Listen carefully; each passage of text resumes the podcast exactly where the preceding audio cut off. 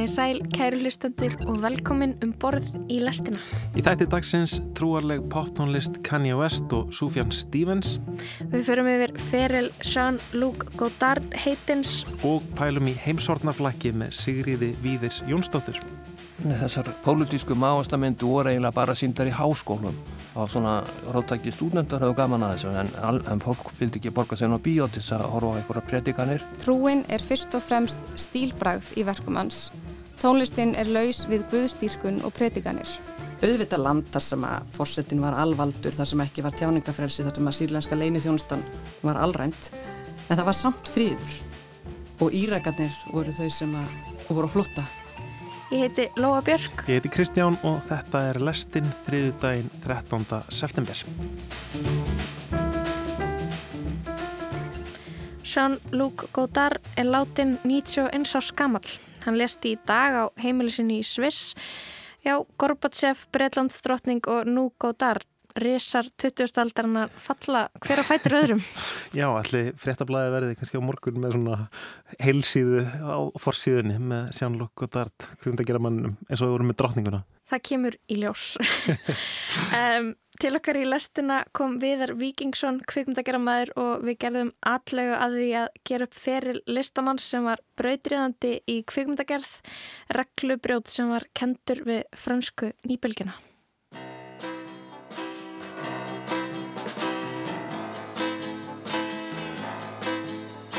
Oh mes amis, ne vous manquez pas de moi. Puisque dans le cinéma français, c'était finalement un, un régime d'inquisition et de, de, cellules et de, de compartimentage où vraiment... Mon silence agit sur lui comme mes paroles. Mon départ le trouble comme ma présence. Tendre et cruel. Réel et surréel. Terrifiant et marrant, nocturne et diurne, solite et insolite. Beau comme tout. C'était un film d'aventure. Son sang coulait de mille blessures et il combattait seul, car il avait juré de ne pas reculer d'un pouce. C'était un roman d'amour. Sortir d'un mauvais rêve. C'était un film d'aventure. Personne ne sait qui l'a fait inviter. Personne ne sait comment il s'appelait. Mais moi je sais bien qu'il m'a parlé longtemps. Jean-Luc Godard fættur 1930 í París, brautriðandi í kvikmyndagerð, forsprakki fransku nýbylgjunar, áhrifamesti leikstjóru eftirstriðsáruna, er látin 91 árs að aldrei. Eftir hann standa hátt í 50 kvikmyndir frá ólíkum tímabilum í lífi listamanns sem var í stöðugri mótun, stöðugri endurskoðun og endurhugsun. Viðar Víkingsson, kvikmyndagerðamæður, er sestur hjá mér til þess að segja mér frá Godard. Verstu velkomin. Takk. Stór spurning, en hver var Godard? Hver er þessi maður sem kvikmynda áhuga menn sirkja í dag? Já, hann, hann, það má segja, hann hafi verið einn helsti frumkvöðl í kvikmyndum á síðustu öld. Hann var byltingamadur og sumir, sumir vilja bera hann saman með þess að átta sig á þeim áhrifum sem hann hafi í kvikmyndum. Það var borðað hann saman við byltingamenn í öðrum listgreinum og til dæmis sagði Truffaut að hann væri Picasso kvikmyndina. Af hverju? Af því að Picasso hann fór að mála á allt annan hátt en fólk hafi gert. Það málaði augu út á kinn og þess að þar og á sama hátt á sneri góðar oft öllu við. Hann leiti ekki svo að það væri neina, neina reglur í kvikmyndum. Það þurfti ekki að læra einhverja málfræði. Heldur gæti, gæti bara hreinlega allt verið í kvikmynd. Mm -hmm. nú, nú er ég búin að nefna Picasso í málverkinu en svo mætti líka nefna Bob Dylan í, í rockinu og raunin er, er ferill, gótar og, og Dylan daldið svipaðir.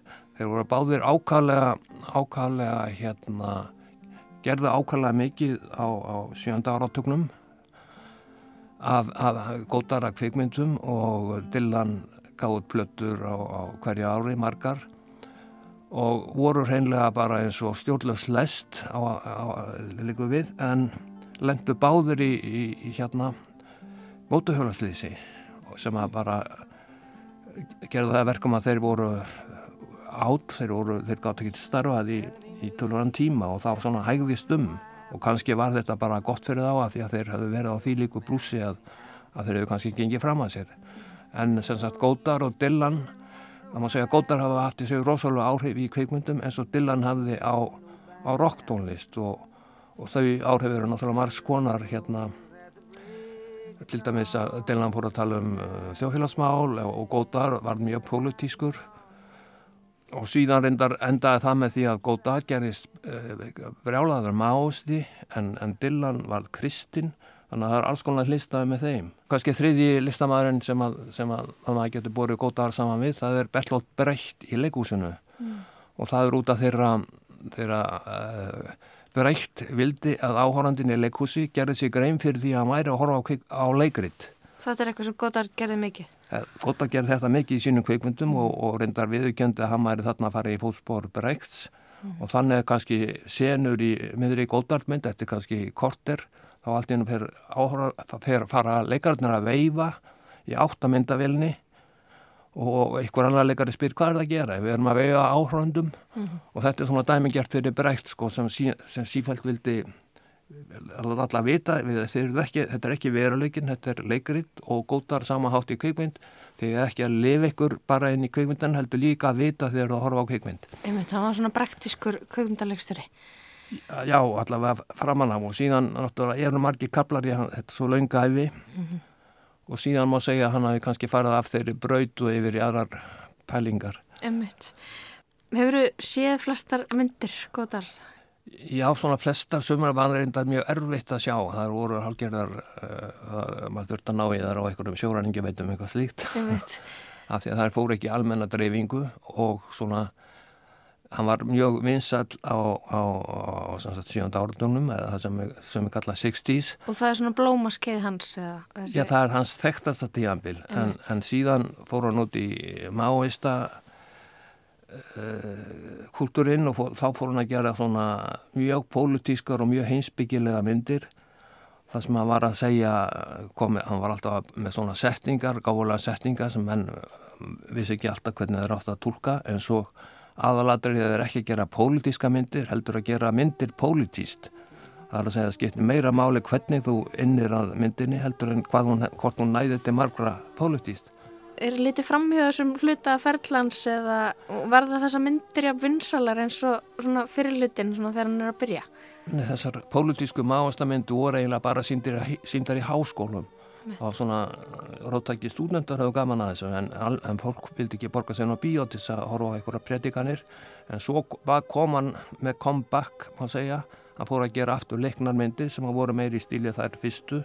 Mm. og þá eignaðast hann annað tímanbill og síðan má segja að síðasta tímanbill hans hafa, hafa verið aldrei komin út í heimildamindur um kvikmyndasögu. Mm. þannig að þetta eru mörg tímanbill og hann var sífælt að endur nýja sig. Og og sem sagt hafði náttúrulega rosalega áhrif með þessu að því allir voru að pæli því hvað er gótt að gera þótt að kannski einn almenna áhórandi væri búin að gleyma honum. Mm. þá uh, fylgdust allir með því hvað hann sagði en það var hann mjög óhrættu við að segja það sem að honum fannst og móðgæði marga.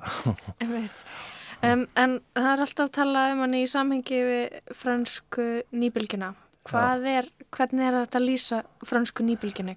Já, það eru ymsar ástæði, þetta, þetta, þetta voru gaggrinendu fyrst sko. Mm. og hérna ein, á þessum tíma var hægstæði leiðin til að, gera eitthvað í kvikmundu og var annarkort að gangi í einhvern virtan kvikmundaskóla sem var erfitt að komast inn í.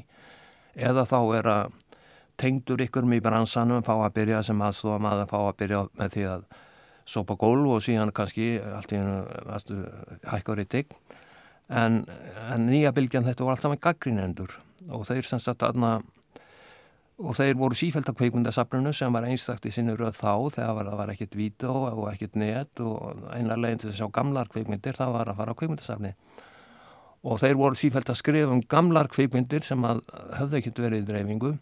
Og síðan allt í hennu um 60 að það er í kring þá kemur allt í hennu ný tækn á markaðin léttar kveikmyndavilar sem hættar að fara með út á götu önnu tegunda filma sem er ljósnamænu, þú verður ekki alltaf að vera með hérna, 30 trukka af ljósum til þess að taka eitthvað. Og allt í nú var, voru, var hægt að gera myndi sem voru nær lífinu. Og þetta engjandi aldrei nýju bylgjuna fransku og sömuleiðis að þeir voru sífælt að vitni fyrir kvikmyndir, fyrir þannig gamlar kvikmyndir, það er að segja þöglarmyndir og hvaðina, en fram að því hafði verið alltaf litið niður sem, í sumum kretsum á kvikmyndin og hún var ekki jafn merkileg listgrein og bókmyndir eða leikhús eða slikt, en þarna var til ný hugsun um hvað kvikmyndin væri. Og af þessum Góðar og Trífóð þeir voru þeir frægustu og voru vini til að byrja með en svo slóst upp á vinskapin síðan meir og, og, og út af konum og peningum eins og oftill verða. En hérna en Góðar var sífælt til raun að kendari meðan Trífóð gerðist meira klassískur höfundur hann var meira að hugsa um að náti fólks meðan Góðar var sífælt að reyna að bylta forminu mm -hmm. En ef þetta er náttúrulega að hann byrjar sem gaggrinandi og það, það auðvitað mótar hann sem leikstjóra hann er stöðut að að spyrja þessi spurninga og, og breyta til. Par exemple, comment rendre compte des événements? Comment montrer ou dire que cet après-midi-là, vers 16h10, Juliette et Marianne sont venues dans un garage de la Porte des Ternes où travaille le mari de Juliette. Moi, je trouve qu'on les femmes modernes qui qui essayent des limites.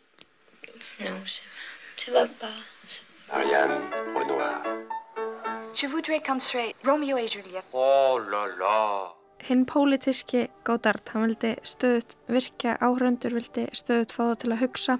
Hvað vildi hann fá áhörundur til að hugsa um? Hver var bóðskapur kvikmyndans?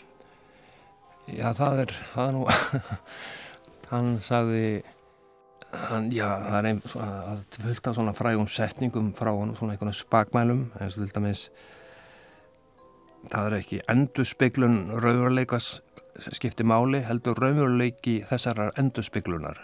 Þetta er svolítið, þetta hljómand svolítið kífæskulegt, en sem sagt, hana, það er ekki endursspeglan og raunveruleikan, það er að segja, myndir nú ekki að sína, telja trúum og að horfa raunveruleikan, heldur átt að velta vengum með því hvað sé raunverulegt við þessa endurspeglun. Mm -hmm. Og þetta er svona, þetta dæmi um Já, þetta er kannski er þetta að skilja þetta til dæmis kýmverjar sem að voru vinnir góðast á þessum tíma, þeir vildu ekki dreifa myndum hans, þeir, þeir töldu að, að, að hérna, í Kína bara skildu ekkit í þessum pælingum en svo voru til eh, hópar rótaklingi í Fraklandi sem að fannst þetta alveg rétt hjá hann mm. en hann var sem sagt Já, hann var reyndar rótaka fram undir það síðasta, núna með öll lætin í kringum þessi gulu vesti í Fraklandi, þá var hann letað sér verða, þótt hann væri orðið næstum nýraður, þannig að hann var alltaf með fingurinn á púlsunum, en eins og þú sagði þetta með gaggrinnin og spyrja spurninga, að sumar þessar myndir hans eru faktist heimildamindir eða rítgerðir, það sem hann er svona, það er fara vitt og breytt, það er engin sögúþráður og reyndar þegar hann byrjaði þá var hann oft ekki með neitt handrit þannig að hérna myndina gáttu að fara í allar áttir og, og það var eitthvað regli kvikmyndum, kvikmyndir eiga að vera í þremur þáttum og hann saði allt í lagi með það en, en fyrsti annar og þriði þáttum en ekki endilegi þeirri röð mm. og alltaf með svona provokasjónir sko. mm -hmm. Hann hefur haft áhrif á, á marga þekktustu leiksturum í heimi eh, Tarantino, Bertolucci Brian De Palma og fleiri en franska nýbylgjan Godard uh, er þetta nema áhrifennar á, á Íslandi í íslenskri kveikumdagerð hvaða leiksturar vinna svona í hans anda? Já, ég veit ekki hvort ég þóra að segja hans anda en það er svona tilvísanir degi Kára til dæmis og áskrifið sverðið sinni það er svona flist í huga því að þeir eru svona hafa beinlinis komið með beina tilvísanir en, en en svona líka hvað snerti svona frjálslega kveikmyndatöku, nálgast lífið en um leið hugsa um kveikmyndina. Hefur hann haft áhrif á þig í þinni kveikmyndagerð? Eh, ég, það er alltaf hættulegt að, að verða fyrir áhrifum á hann. Það er svo auðvelt að, hérna, að stælan og þá verður það oft svolítið und, undanrenna. Mér finnst það sama með David Lynch, það er óalega margir að reyna að stæla, stæla David Lynch og heldur geti gert bara eitthvað óalega skrítið og það verður bara flott en það þarf meira en það og sama er með góðar held ég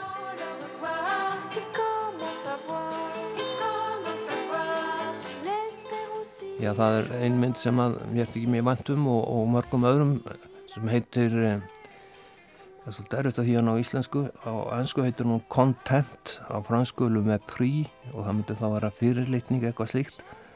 Hún með Brigitte Bardot og Michel Piccoli. Og sem sagt þetta var uh, breyðtjálsmynd sem fjallar eiginlega um kvikmyndatöku og sýnir doldið vel hvernig hann var alltaf að hugsa um að við eigum að vita að við erum að horfa á, á kvikmynd.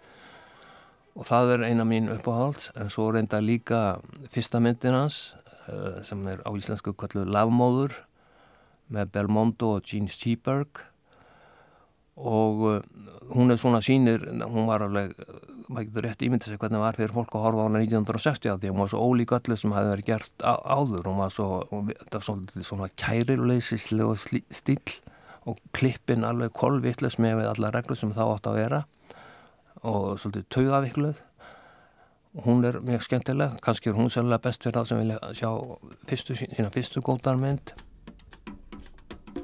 ég man eftir svona dæmi um uh, kvikmynd sem að gerði með Rolling Stones sem heitir Sympathy for the Devil eftir, eða hún er kolluð það, hún gengur líka undir öðru nöfnum sem gengur eiginlega öll út á að sína Rolling Stones fyrir að ævetta lag. En svo í lokin koma svona einhverjar eh, senur fullar af ofubeldi þar sem að uh, verða kála kólum en það er, present, það er ekki presenterað sem eitthvað splatter heldur kemur bara einhver og, og með rauða malningadóll og skvettir rauðinni malning á í staðan fyrir blóð og það er sem sagt þetta er svona dæmum það sem voruð að segja gerfileikin sem er bara gerður sínilegur mm -hmm. og maður á bara meðtaka það mm -hmm. Er hann þá að spyrja eða að fá okkur til að hugsa um að það sé nú ekkert örnverulegt sem við sjáum í kvikmyndinni yfir höfuð og svona undirstryka það? Já, ekki bara það held ég, bara líka að reyna átt okkur á hvað er einlega raunveruleikin, hvað sjáum við og, og hérna og um leið náttúrulega nú á tímum þegar eh, nettið og orðavaldar og allt þetta dyrnur yfir okkur, þetta meira nokkuð tíman núna en á hans tíma hann var, var hann að hugsa um auglýsingar og sjónvarpið og hvernig uh, hugmyndafræðin er delt yfir okkur á þess að við föttu það mm -hmm. þannig að hérna það er ekki bara það að hann, sé að segja að kvikmyndin er óröðuleg heldur líka allt sem er meðtökum við þurfum að taka það eitthvað neginn með, með, með saltið í mörunum Einmitt. Hann var andkapitalískur og, og, og einhverju leiti fyrirleitan samtíman og, og menninguna og kapitalíska menningu og neysluhyggju það er ekki rétt skilja hjá mér. Það var svona hans helsta hann gekk í gegnum þetta maoista tímabil en það þýtti það að hann var á móti í franska kommunistafloknum hann stundum nálgast þetta meira anarkisma.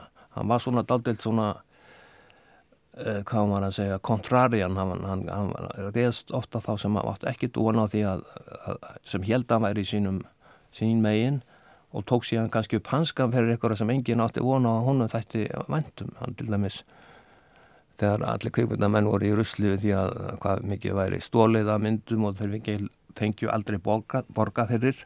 Þá saði Góðar, gera svo vel að stila sem mest af mínum myndum, ég vil að sem flesti sjá það þetta, þetta var ekki eitthvað sem að mátti segja. Mm -hmm. en hann saði hann var svona reglubrjóður akkurat, já. Er það ekki kannski svona eh, góðlega til að lýsa Godard hann fór aldrei eftir reglunum ég held að það sé að lóka árið hjá okkur Þakka að kella fyrir spjallið þakk fyrir komin að við er Vikingsson Þakka þessum Un petit port comme dans les romans de Conrad Un bateau à voile comme dans les romans de Stevenson Un ancien bordel comme dans les romans de Faulkner. C'était un film d'aventure. C'est comme pendant la guerre d'Algérie. C'était un roman d'amour. La recherche du temps disparu. Pleased to meet you. Hope you guess my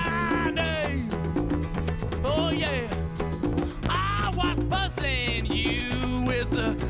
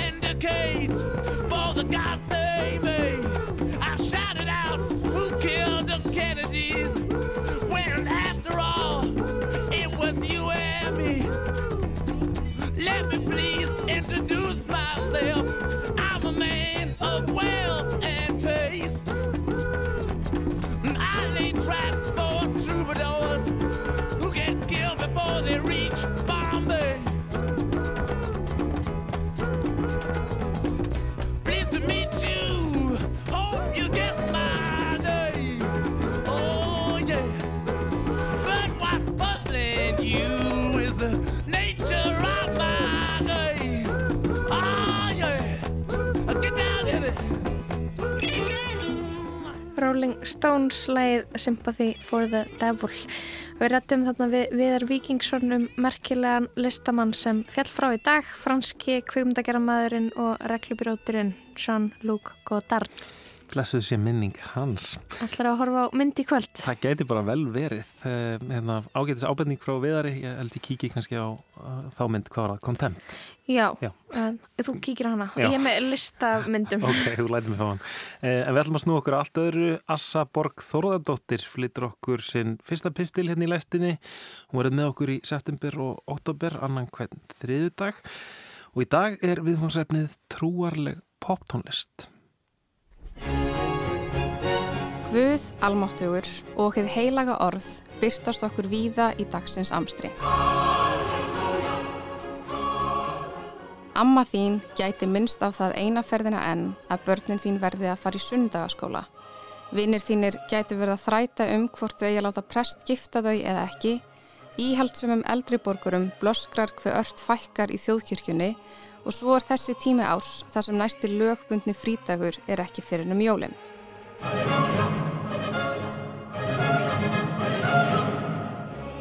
Guð er nefnilega allstæðar. Honum tekst með ýmsum leiðum að smegja sér inn í eiru þeirra sem fara ekki einu sinni í kirkju um jólinn. Hvort fólk opnar hug sinn og hjarta fyrir boðskap hans er svo undir því sjálfu komið. Það er erfitt að forðast hann og ómögulegt að flýja hann fullkomlega. Hinn almáttu ég himnafæðir býr til dæmis í poptónlist.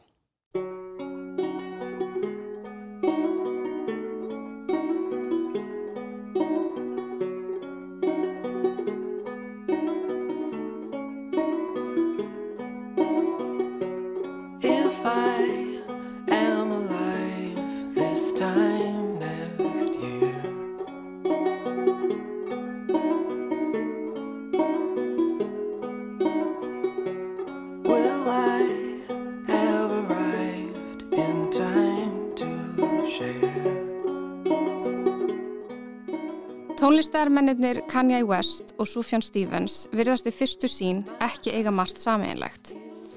West er sólkin í aðtikli heimsbyggðarinnar en Stevens er hlétrægur og jarðbundin og kemur lítið fram ofinberlega. Það hljómar eiginlega fáránlega að minnast á þessa tvo ágætu drengi í sömu setningu en þó er að finna einn afar sameinlan flöt hjá þeim.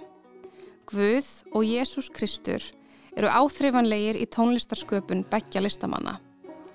Þeir eru langt frá því einu bandarísku poptónlistamennir sem skapa í kringum kristna trú.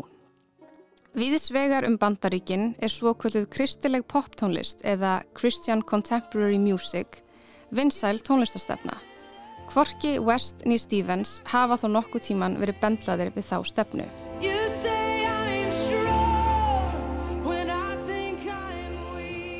Það er svo sem ekki að undra þótt ekki sé gerð tenging á melli Kanye West og kristilegra poptónlistar.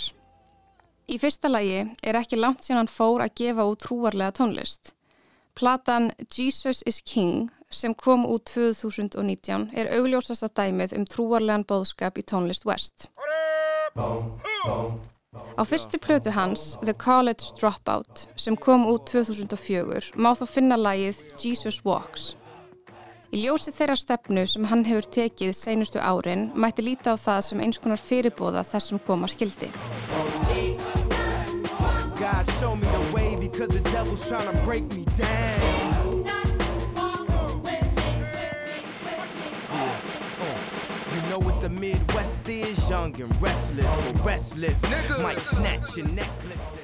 Í öðru lagi er West ekki hvítur, en mikill meiri hluti þeirra sem spila kristilega poptónlist er hvít fólk. Tónlistin á Jesus is King inniheldur aftur á móti gospelsöng sem er annar ábyrrandi kemi trúarlegar tónlistar og er oftar en ekki fluttur á svörtu fólki. Það er því óskup skiljanlegt að West hafi aldrei og verði trúlega aldrei skilgrindur sem kristilegur poptónlistamæður. Sufjan Stevens er hins vegar skjannakvítur indie tónlistamæður sem hefur á tæpla 30 ára ferli komist hjá því að vera sakar um það að vera kristilegur poptónlistamæður. Ég velti fyrir mér hvernig honum hefur tekist að smókra sér undan þeim stimpli. Kanski er það tónar banjósins sem afvegalega hlustendur frá tekstunum sem eru margir hverjir mjög trúarlegir. Á plötunni Seven Swans frá 2004 er að finna margar augljósar skýrskotanir til kristinar trúar og strax í titlinum er að finna vísun í biblíuna. Í mörgum trúabröðum er litið á sjö sem heilaga tölu. Guð á að hafa skapað heiminn á sjö dögum og sjöundi dagur vikunar skal vera kvildardagur. Kanye West er á sama máli ef eitthvað er að marka lagið Closed on Sundays að fyrirnæmdur í plötu hans. Kvildardaginn skal halda heilagan, um það er engum blöðum að fletta. Close on Sunday. You my Chick-fil-A. Close on Sunday. You my Chick-fil-A. Hold the selfies. Put the gram away. Get your family. Y'all hold hands and pray. When you got daughters. Meiri hluti lagana á Seven Swans vísar í biblíuna og það er ekki farið neitt leitt með það. Stevens syngur til að mynda um ummyndun Jésu Krist á fjallinu og fórni frelsarans fyrir mannkinn. Hann segir líka sögu Abrahams sem ætlar að fórna Ísaki, sinni sínum, fyrir sjálfan drottin en engil að himnum ofan grýpur í taumana áður en Abraham fremur svonarmorð. Worth a righteous one. Take a pound of wood. Put it on your son. Það verður nú ekki mikið augljósara en þetta en dáleðandi indíómurinn frá þeim fjölmörgu hljóðfærum sem Stevens slæra á nær yfirhöndinni á þann hátt að meiri segja hinn er mestu trúleysingjar taka ekki eftir ramkristnum tekstunum. Eitt þeirra fáu laga á Seven Swans sem er ekki bein vísun í biblíuna er lagið A Good Man is Hard to Find. Það er sami titill og frægri smásögu eftir Flannery O'Connor en hún var þekkt fyrir að vera trúrækin og það skein í gegnum margar af sögum hennar. Kanski vildi Stevens slá um sig og sína að hann væri ekki einungis fjölhæfur tónlistamæður sem spilar vel á banjóið sitt, heldur það ekki hann líka vel til bandarískra bókmynda. Once in she was once like me. She was once like me. Twice when I killed them, they were once at peace.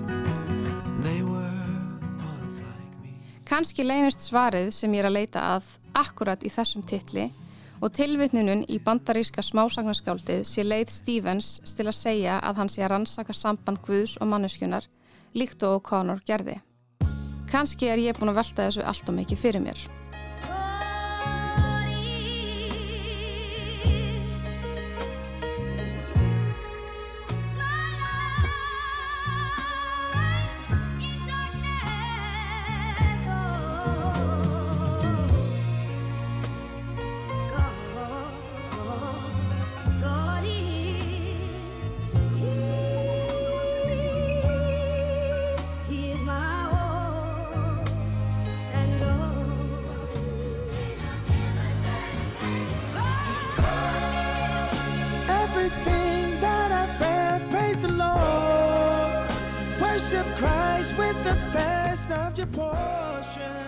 Má vel vera að það sé alveg út í hött að bera saman Kanye West og Sufjan Stevens og nálgun þeirra á trú og tónlistasköpun. Kanye West er eitt frægasti, ríkasti og umdildasti tónlistarmæður heimsins og Sufjan Stevens hefur valla komið fram síðastliðin ár og það eru öruglega allir búin að gleyma á honum nema ég og hinnar indistelpunar sem hafa sest í Helgan Stein. Stevens reynir að komast hjá því að ræða trú sína þegar hann er spurður út í hana sem býr til rými fyrir viðtakandur að fylla inn í götin sjálfur. Trúin er fyrst og fremst stílbragð í verkum hans. Tónlistin er laus við guðstýrkun og predikanir. Biblían er sögubók og það er ekkert sem bannar listamönnum að kafa ofan í stóru bókina til að finna innblástur. Á plötu Kanye West, Jesus is King, er trúin og bóðskapur hins heilaga orðs hins vegar í algjörum forgrunni. West er með heilan gospelkór á bakvið sig og tímabili hjælt hann úti sinni eigin sunnudags guðustjónustu sem var einungis opin útvöldum.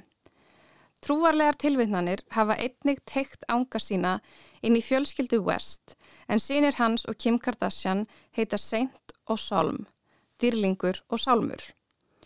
Hann hefur líkt sjálfum sér við Nóa, Jésu Krist og Guð, himnadróttin sjálfan og stóran og diggan aðdáðandahóp sem verið standa við bakið á honum sama hvaða vittlisa vellur upp úr honum hvort sem það lítur að fórseta bandaríkjana, fyrirverandi konunu hans eða því markmiði hans að opna augu og sálir fólks fyrir almættinu.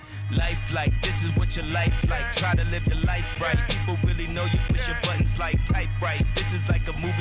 Really like right. Really night, right? Single fight, right? I was looking at the gram and I don't even like lights. I was screaming at my daddy, told me it ain't Christ like. I was screaming at the referee, just like Mike. Looking for a bright light. Seagull, what your life like? Riding on a white bike, feeling like a sight bike. Pressing on the gas, supernova for a night light. Dreaming at my dad, and he told me it ain't Christ like. But nobody never tell you when you're being like Christ. Only ever seeing me, only when they need me. Like if Tyler Perry made a movie searching for a deity. Now you wanna see it free, now you wanna see it free. Let you see it three piece. Tell me what your life like, turn it down a bright light. Driving with my dad, and he told me it ain't Christ like. I'm just trying to find, I've been looking for a new way. I'm just really trying not to really do the fool way. I don't have a cool way, my best though. Lock up on a text though, nothing else next though. Not another word, let a picture or a decimal. Wrestling with God, I don't really wanna rest so. Man, it's really life like everything in my life. Arguing with my dad, and he said it ain't Christ like. Man.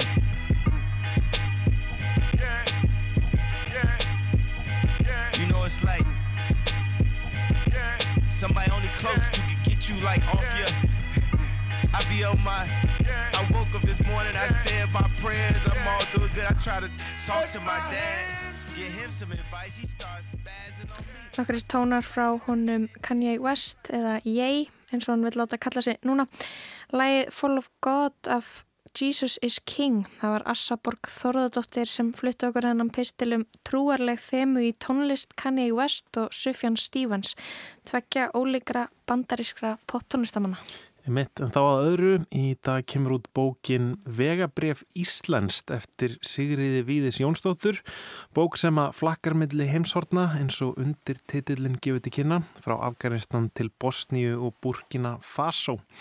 Sigriður starfaði um árabil sem bladamöður og skrifaði greinar og pistla í íslenska fjölmiðla og í bókinni reykur hún sögu staða og þjóða í gegnum persónlegar sögur fólks sem hún finnur á ferðalögum sínum.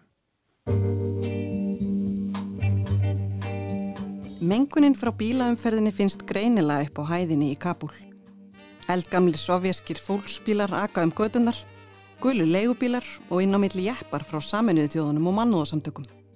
Stöku kvennahópar í ljósbláum búrkum líða hjá á gangstéttum. Tveir drengir horfa stíft til himins um leið að þeir hlaupa um með flugdrega. Og þetta rétt hjá stend ég sjálf og virði þá fyrir mér. Og þetta var Sigriður Víðis í Eþjópíu. Sigriður Víðis Jónsdóttir, blaðamara morgunblæðinu, ferðaðist um norður hluta Úganda fyrir á þessu ári. Fór nú reynda bara til Sýrland til að geta farið yfir til Írak. Þú ert stött í eh, vestri Ohio, við heyrum Þetta ekki á vettvangi í söður hlutar Somalíu. Þetta var Sigriður Víðis Jónsdóttir, stött í Kenya. Ég heiti Sigriði Viðs Jónsdóttir og í dag þá starfa ég tímabundið sem upplýsingafulltrúi félags- og vinnumarkarsaránundisins en er upp á síkastið búin að vera að skrifa þessa bók sem kemur út í dag og finnst óskaplega gaman að skrifa. Ég verð alltaf mjög spenntur því ég fæ svona ferðabækur upp í hendurnar á mér um, og mér finnst það aðteglisvett bókmetaform um, þetta var auðvitað mjög vinsalt þetta einhvern veginn á árum áður kannski þegar ferðalög voru svona sjálfgæfari internetið ekki farin að, farið að tengja uh, fólk jafn mikið uh, milli heimsorna þú sjálf, hefur sótt mikið í svona ferða, ferðasögur? Nú kem ég með hann við hræðilega leðilegt svar við spurningunni en það er bara nei. Það hef ég nefnilega ekki gert, en ég hef eins og alltaf haft óbærslega mikið áhuga á sögum af fólki og sögum sem að þar sem hlutin eru settir í eitthvað samhengi. Þannig ég hef alltaf sótt mjög mikið í svona ítarlegar frettaskýringar um, eða bladamannabækur. Þar meira leikur minn áhugi, þar sem að menn eru þá kannski stattir einhver staðar á stríðsvæði eða í eftirmálum stríðsátaka eða slíkt og er að reyna að, að miðla einhvern veginn og fletta saman persónulegum sögum fólks við eitthvað stærra samhengi. Þannig ég hef ekki sótt í hefðbundnar ferðabækur, en nú veit ég þetta ekki alveg hvað er hefðbundin ferðabók. En ég gef mér að það, sé, það sem þú sést að vísa til sé svona, fyrst fór ég þangað og svo fór ég þangað og gerði þetta og hitt og þetta bara fyrir augum. En ég hef semst meiri áhuga svona á, á bladamanna hluta e, þeirrar bókmyndagreinar. Mm -hmm, einmitt. Já, svona þessi hefðbunna, ef, ef við köllum það, svona ferða, ferðabóka, ferðasaga hún er kannski einhvern veginn, mann finnst hún á vissanhátt kannski líka svolítið úrælt einhvern veginn í dag að því að já, það var svona kannski oft hvítur, hvítur maður, velmentaður sem ferðaðist og, og, og einhvern veginn bara skoðaði það sem fyrir augu bar og, og miðlaði svo til fólksins heima. Um, það, já, það er kannski eitthvað sem okkur finnst ekki endilega um, eftirsóknarvert í dag þegar við getum fengið sögurna beint frá fólki einhvern veginn. Já, það hefur náttúrulega gjör breyst. Núna er bæði miklu auðveldara að ferðast og svo er náttúrulega bara interneti tengir okkur öll saman og, og þau sem að búa á stöðum sem að aðrir telja kannski fréttnæma að þau getur auðvitað bara sjálf sett minnskiða sér á netið og, og annars líkt þannig heimurinn eru auðvitað flétast út hvað það varðar en ég held hins vegar að, að þörfin fyrir sögur af fólki þar sem að hlutinir eru einhver leiti settir í samhengi, ég held að það verð alltaf áfram til staðar. Mm -hmm. Ég meit. En þannig að þú lítur kannski á þetta, þetta sem meiri eh, blað, blaðamannabók heldur en bara ferðasögu. Já, sko, nú er ég bara í fyrsta skipta skilgrina þessa bók, það er aldrei fyndið. Ég hef búin að vera hérna, skrifa hana lengi, lengi og ég hef aldrei hugsað um það hvernig, í hvað flokkmyndur nákvæmlega falla öðrulitin því að þetta er auðvitað fræðibók. Þetta er ekki skálsa. Svo mikið veit ég. En, en hérna ef ég á að setja hana í eitthvað bóks þá myndi ég freka lítið á hana sem bladamannabók.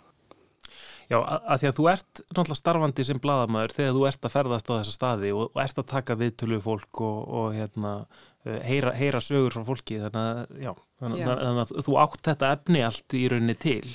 Já, ég á þetta efni vegna þess að ég var eh, sjálfstæðstarfandi bladamæður á þessum tíma, já, já í, mig sjálfstæðstarfandi eða, eða eh, starfandi með öðrum hætti Uh, og miðlunin var það sem að dreif mig áfram og miðlunin var líka það sem að opnaði þetta dyr. Bæði að einstakar stöðum og líka að fólki. Að því að um leið og þú ert komið með það element inn þá auðvitað, eru mjög margir sem vilja bara deila sögum sínum, sögum að þú veist gleði og sorg og, og öllu því. Og það var það sem ég fannst svo áhugavert. Að bara kynnast fólki í allskins aðstæðum og reyna síðan að miðla því einhvern veginn heim. Og síðan þegar ég tók til við það að vinna þessa bók þá fór ég bara ofan í, í kistuna og fann ímist e, stílabækur, minnisbækur og annað slíkt og grófuði þetta líka bara upp efni sem ég hef sendt frá mér í gegnum tíðina. Og það var á allskynns formi. Þannig að þetta var svona stór haugur sem að ég hérna fór að leita ofan í. Mm -hmm. Þetta eru svona sko nánast eins og, hvað ég var að segja, smásögur uh, sem, að, sem að tengjast saman frá ólíkum löndum, frá Afganistan, Myanmar, Katar, Bosníu-Hersekúni, Eþjópíu, Sýrland og Írak, Suður Sútan og svo framvegis. Um, hérna, sko, bara þinn svona ferða áhugi, uh, hvernig, hvernig gerist það að maður fær svona ferðabakteríun og fer að fara á svona rosalega framandi slóðir? Ég hef bara alltaf haft áhuga á heiminum, alveg frá því ég var pínu lítil stúlka á Akranissi. Ég segi einmitt frá því í bókinni að, að það var auða landabrjábókin sem að fylgdi mér heim úr Brekkubæðaskóla á Akranissi á skólabókarsamnu. Um, hún kveitti áhuga, ég satt lengum stundum og gluggaði hana og í Atlasbók sem var líka til heima og ég bara einhvern veginn vissi það alltaf mér langaði þegar ég erði stærri að fara út og sjá, sjá heimir hérna úti. Því mér fannst það bara alltaf ótrúlega spennandi. Þú veist hvað er hérna úti, við erum bara eitthvað pínluti land einhverstað lengst út í hérna hafsauga. Og svo eru fullt af öðrum löndumandi heiminum og bara hvað er hérna og svo bara komst ég á ólingsárin og fór, fór á stað og verði náttúrulega alltaf þakklátt mömmu og pappa fyrir að setja mér ekki stólinn fyrir dyrnar og síðan vart þetta einhvern veginn þannig upp á sig að því ég fór að miðla efni heim að því að mér hef alltaf haft mjög gaman að ég að skrifa að þá einhvern veginn tengdist þetta bara saman. Ég fór smá saman að fara lengur og lengur í burtu skrifa, senda efni heim og ég varð bara algjörlega heitluð af heiminum að núti. Mm -hmm. og mér fannst það tímabili bara ég vildi ekki gera neitt annað heldur um bara að geta farið aftur á stað og, og kynst fólki og, og heyrt sögur og, og einhvern veginn séð heiminn svo leiði þetta hérna, ár og, og þú veist ég fór að eignast börn og, og svona hlutindir breytist aðeins en ég hef alltaf verið alveg hilluð af því hvað er hérna úti. Og þetta er náttúrulega, hérna, þetta er nú ekki, ekki fornöld sem þú ert að, ert að ferðast af en ég meina þetta er samt á, á hérna, fyrir áðurinn kannski internetið er, er orðið veginn alltumleikjandi, það er ekki snjálfsímar og, og það er ekki tripadvæsor og, og, og allt þetta, hérna, hvernig er svona að líta tilbaka á, einhvern veginn á, á þessi ferðarlög, uh, já. Það er náttúrulega alltaf komist að ég, ég, mér finnst alltaf bara, ég sé svo ræðilega gömul. Veist, ég er yfirlega færtu og ég fór á stað svona, fór, var farin að fara svona langt í burtu svona upp úr, úr tvítugt. Og það er bara alveg ofbúrslega margt sem hefur breyst eins og þú segir Just, ég var bara með ferðahandbækur. Það var það sem maður gerði. Það var ekkert þetta að finna eitthvað endilega á internetinu og, og ég meina eða sko fyrst þegar ég fór á stað þegar ég var ennþá bara svona kannski Evrópumegin í lífinu að þá, þú veist, sendi ég fóröldri mínum fax. Og þau áttu fax heima á Akarnesi, faxtæki. Því að mamma er alltaf að faxa við sýstu svona sem bjóði í úlunum þannig ég faxaði heim en síðan hérna tók nú tæknin völdin og þá sendi ég fóröldri mínum tölvupúst sem okkur fannst hann alveg óherlega tæknavænt á þeim tíma. En það voru þetta samt bara stópul samskipti og ég minn ég ringdi aldrei í þau. Þú veist að maður gerir það ekkert, það bara kostaði. Formú og ég vildi freka nota peningan í eitthvað en, hérna, en þannig að maður sér það bara núna maður lítur svona aðeins í við sviði hvað ferða, hvað ferða lög eru breytt og hvað hérna tæknin gerir þau þetta miklu einfaldari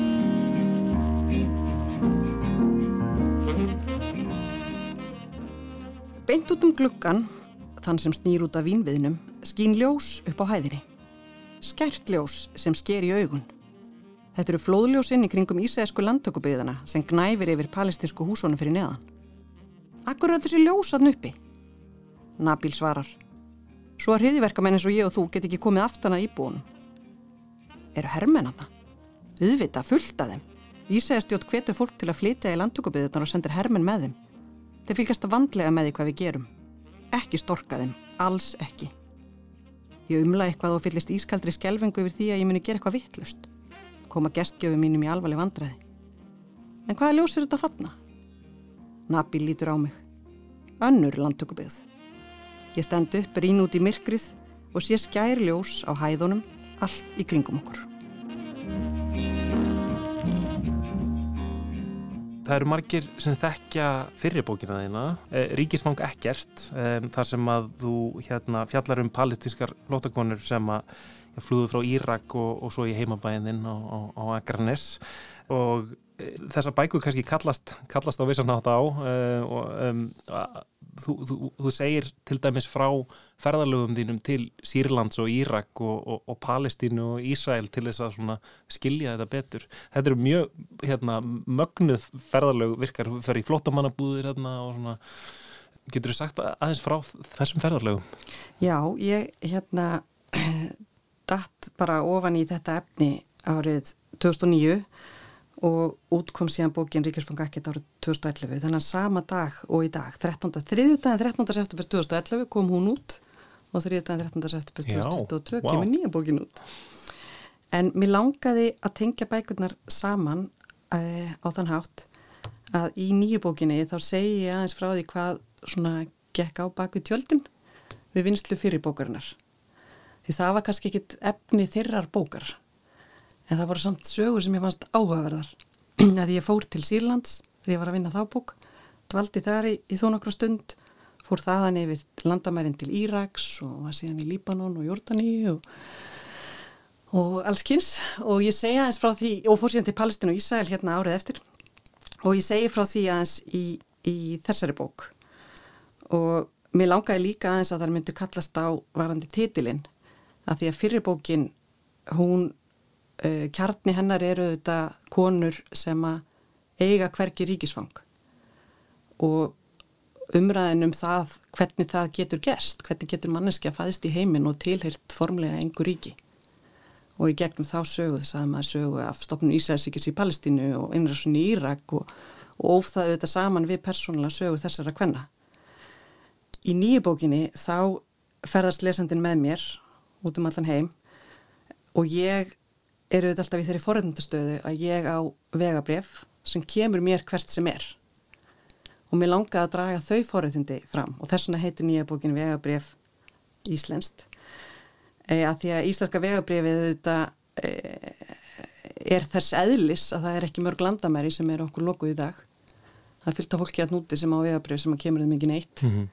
því þau mæta bara lokuðu landamærum og svo eru þetta fylgta fólki sem á ekki vegabrif eins og var raunin í fyrirbókinni Ég meit, já, vegabreyfið eru þetta eitthvað mesta svona aðgangstæki sem við höfum, veitir okkur ferðafrelsi sem að er eh, ólíkt já, meiri hluta heimsins bara, hérna, við búum við margfald meira frelsi út af þessu vegabreyfi einhvern veginn. Já, og við gerum það. Og ég lýsi einmitt hérna í bókinni í kaplanum uh, um Afganistan þessi kaplanum sem gerist í Afganistan að þá lýsi ég hérna húsbruna sem að ég lendi í í bandaríkjunum semst fjórum árum áður. Og ég er aðeins að hérna, ég ætla ekki að segja mikið en ég, ég hérna, er aðeins að, að tengja saman eh, það hvernig svona sami atburður ef hann gerist í bandaríkjunum hvernig hann getur spilast út með ólíkum hætti ef hann gerist í Afganistan. Og það sem að e, mér fannst sko svo ótrúlega sláandi svona eftir á er að þegar ég var búin að sko upplefa það að, að, að mm, vegabriðið mitt brann í bandaríkunum að þá gæti ég samt komist aftur heim til Íslands að því að íslenska utaríkistjónustan hún bjargaði málunum og gerði mig kleift að, hérna, einhvern veginn gáði einhver tímabundi skilriki þannig að ég komst aftur til Íslands eftir að hafa hérna lendið þessum húsbruna. Og þá hugsaði ég bara, vá, þú veist, forréttindi mín eru svo mikil að jafnvel þó ég get ekki framvísa töfra vegabrifinu þá eru forréttindi mín bara í mér sem mannesku ég kemst í alvörunni hvert sem ég vil en svo hitti ég fólki Afganistan sem hafi upplefað einmitt líka húsbruna og var auðvitað bara fast í, í umrulegum aðstæðum þannig að það er kannski á svona stundum sem maður hugsa bara vá hvað við búum við ólíkar aðstæður í heiminum og hvað fólk er bara misheppið í lífinu, bæði hvar það fæðist og svo auðvitað bara hvað, hvað spil þeim er gefið.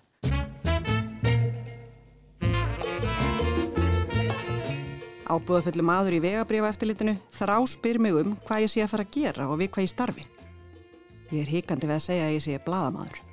Var ráðlegt að nefna það ekki Sýrlandi svona almennt og fyllist allt í einu undarlegum óta við að verði ekki hliftin í landið. Svo ég kemi frjálslega sögu um að ég sé fyrst og fremst að fara að dvelja í hinnu dýrlega Sýrlandi til að kynast landi og þjóð. Einmitt, en þú ert bladamadur. Já, mér finnst gaman að skrifa. Ha, þú ert bladamadur. Já, já, tróma á borðið. Nú dögur ekkert annað en fullkomið sjálfsöryggi. Nei, veistu, ég myndi nú ekki segja að ég væri bladamadur. En mér hefur alltaf þótt gaman að skrifa og ég hlakka mikið til að ferðast um dásamlega landið þitt. Maðurinn horfir á mig með spurnarsvip. Ránkvolver síðan í sér augum.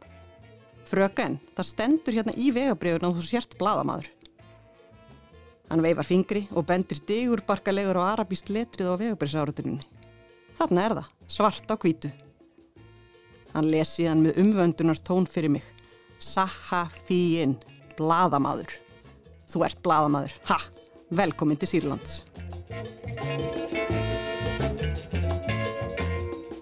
Það sem komi kannski hans og óvart við vinslu þessara bókar er að þetta varð miklu tilfinningaþrungnar en ég hafði kannski átt að með á. Því sumpartinn þá hafði ég bara sett þetta allt honni í kistu og, og lokaðinni og farið að gera eitthvað allt annað. En þarna fór ég að grafa aftur honni bara hvaða var sem ég hafði upplifað, setja mig í samband við þau sem ég langaði til að skrifum, heyra hvernig þau hefðu það í dag. Og þá auðvitað fekk maður það beint í æð, hvernig hlutindir höfðu breyst og oft til verri vegar. Og ég varði oft bara mjög sorgmætti við því. Og, og hérna, og fannst bara átakalegt að, að horfa upp á það. En mér fannst þessi tímafaktor mjög mikilvægur í bókinni að ég vildi geta sett í samhengi hvernig hlutinir voru þegar ég var þar á sínum tíma. Það er sögus við kaplana en síðan heyrim við alltaf líka því hvernig staðan er í dag og hvernig viðkomandi hafa það. Mhm. og svo að því þú nefnir Sýrlands kaplan þá er þetta makalust að þarna er ég stödd árið 2009 á stað þar sem að Sýrland er friðsala landið auðvitað land þar sem að fórsetin var alvaldur, þar sem ekki var tjáningafrelsi, þar sem að sýrlenska leini þjónustan var allræmt, en það var samt fríður og Írakarnir voru þau sem að voru að flotta og, og það voru þeir sem komið við landamærin og leituðu skjóls. Og svo bara tveimar árum síðar þá gjör breytist þetta. Og það er náttúrulega bara makalust hvað hlutindi geta breyst 1, 2 og 3. við vinslu bókarinnar þá, þá reynir að ná í sem flesta af þessum uh, já, viðmælendum þínum, fólk sem að þú kannski tekið við, við töl á sínum tíma já, eða bara hitt í, í, í, í innum ímsu, aðstæðum. Þetta er uh, hérna Uh, ungur leðsögumadur í, í Eþjópíu sem færa, ferðast um landi sitt í fyrsta skipti með, með, með vestrænum ferðamönnum þetta eru einmitt uh, gisti heimilis eigendur, þetta er fólk sem starfar hjá uh, hjálpastofnunum eða, eða, eða við ímiskonar ótrúleg störf hér, hér og þar hvernig, hvernig gekka að ná í allt þetta fólk? Og já, varst, varstu, varstu bara með hérna, kontaktinfo og alla og hérna Nei, hvernig, en þarna kom interneti stert inn að því að bara ég googlaði minnir á fólk og stundum finnur maður manneski náttúrulega bara á tveimur sekundum og hún getur verið búin að svara þér innan klukkutíma. En stundum þá var þetta ansi flókið að því að margir eru þetta ekki til dæmis á samfélagsmeilum bara undir einn nafni. Þannig að þetta gæti líka verið e, mjög flókið og kostaði krókaleðir en þetta var alveg óbúslega áhugavertferðli alveg erfitt og ég átta mig svona á því eftir á þegar maður er sko bókin er komin út og ég get svona aðeins horta á hann og hugsa betur hvað gerði ég að þetta, ég gerði mér verkið miklu erfiðar en ég hefði þurft að gera.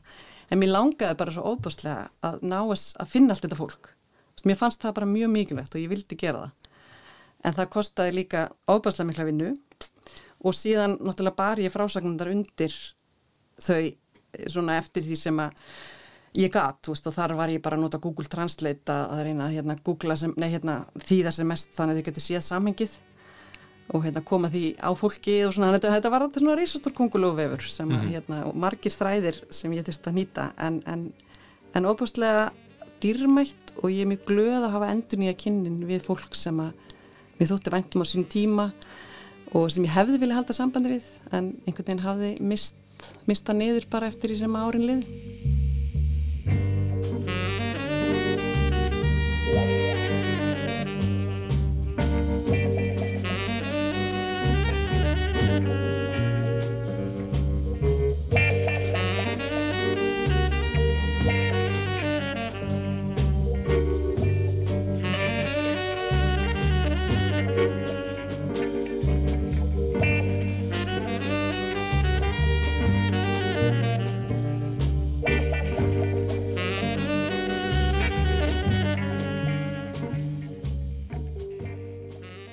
Þannig var rætt við Sigriði Víðis Jónsdóttur um bókina Vegabref Íslenskt sem að kom út í dag og tónlistin frá eþjópiska tónlistamannum Mulatu Astatke.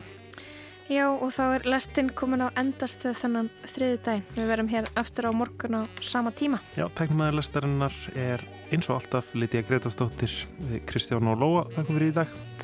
Verið sæl.